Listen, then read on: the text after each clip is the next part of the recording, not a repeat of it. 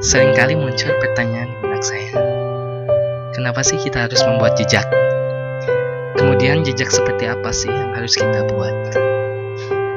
Dan pertanyaan terakhir adalah, untuk siapa kita membuat jejak? Yap, setiap langkah yang terayun akan menjadikan inspirasi bagi orang lain. Dan setiap arah yang kita kemudikan tentunya ingin menjadi sebuah teladan bagi orang yang kita sayangi. Bukan hanya ingin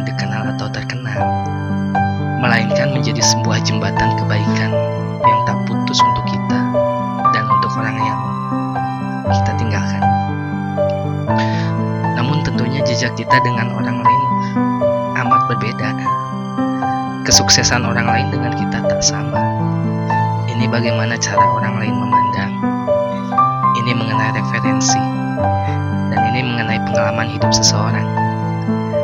Tapi satu hal yang sama bagi kita dan bagi mereka yang membuat jejak atau tanda di kehidupannya adalah mereka yang tidak berdiam diri dan berbuat sesuatu yang besar. Tentunya dimulai dengan hal yang kecil.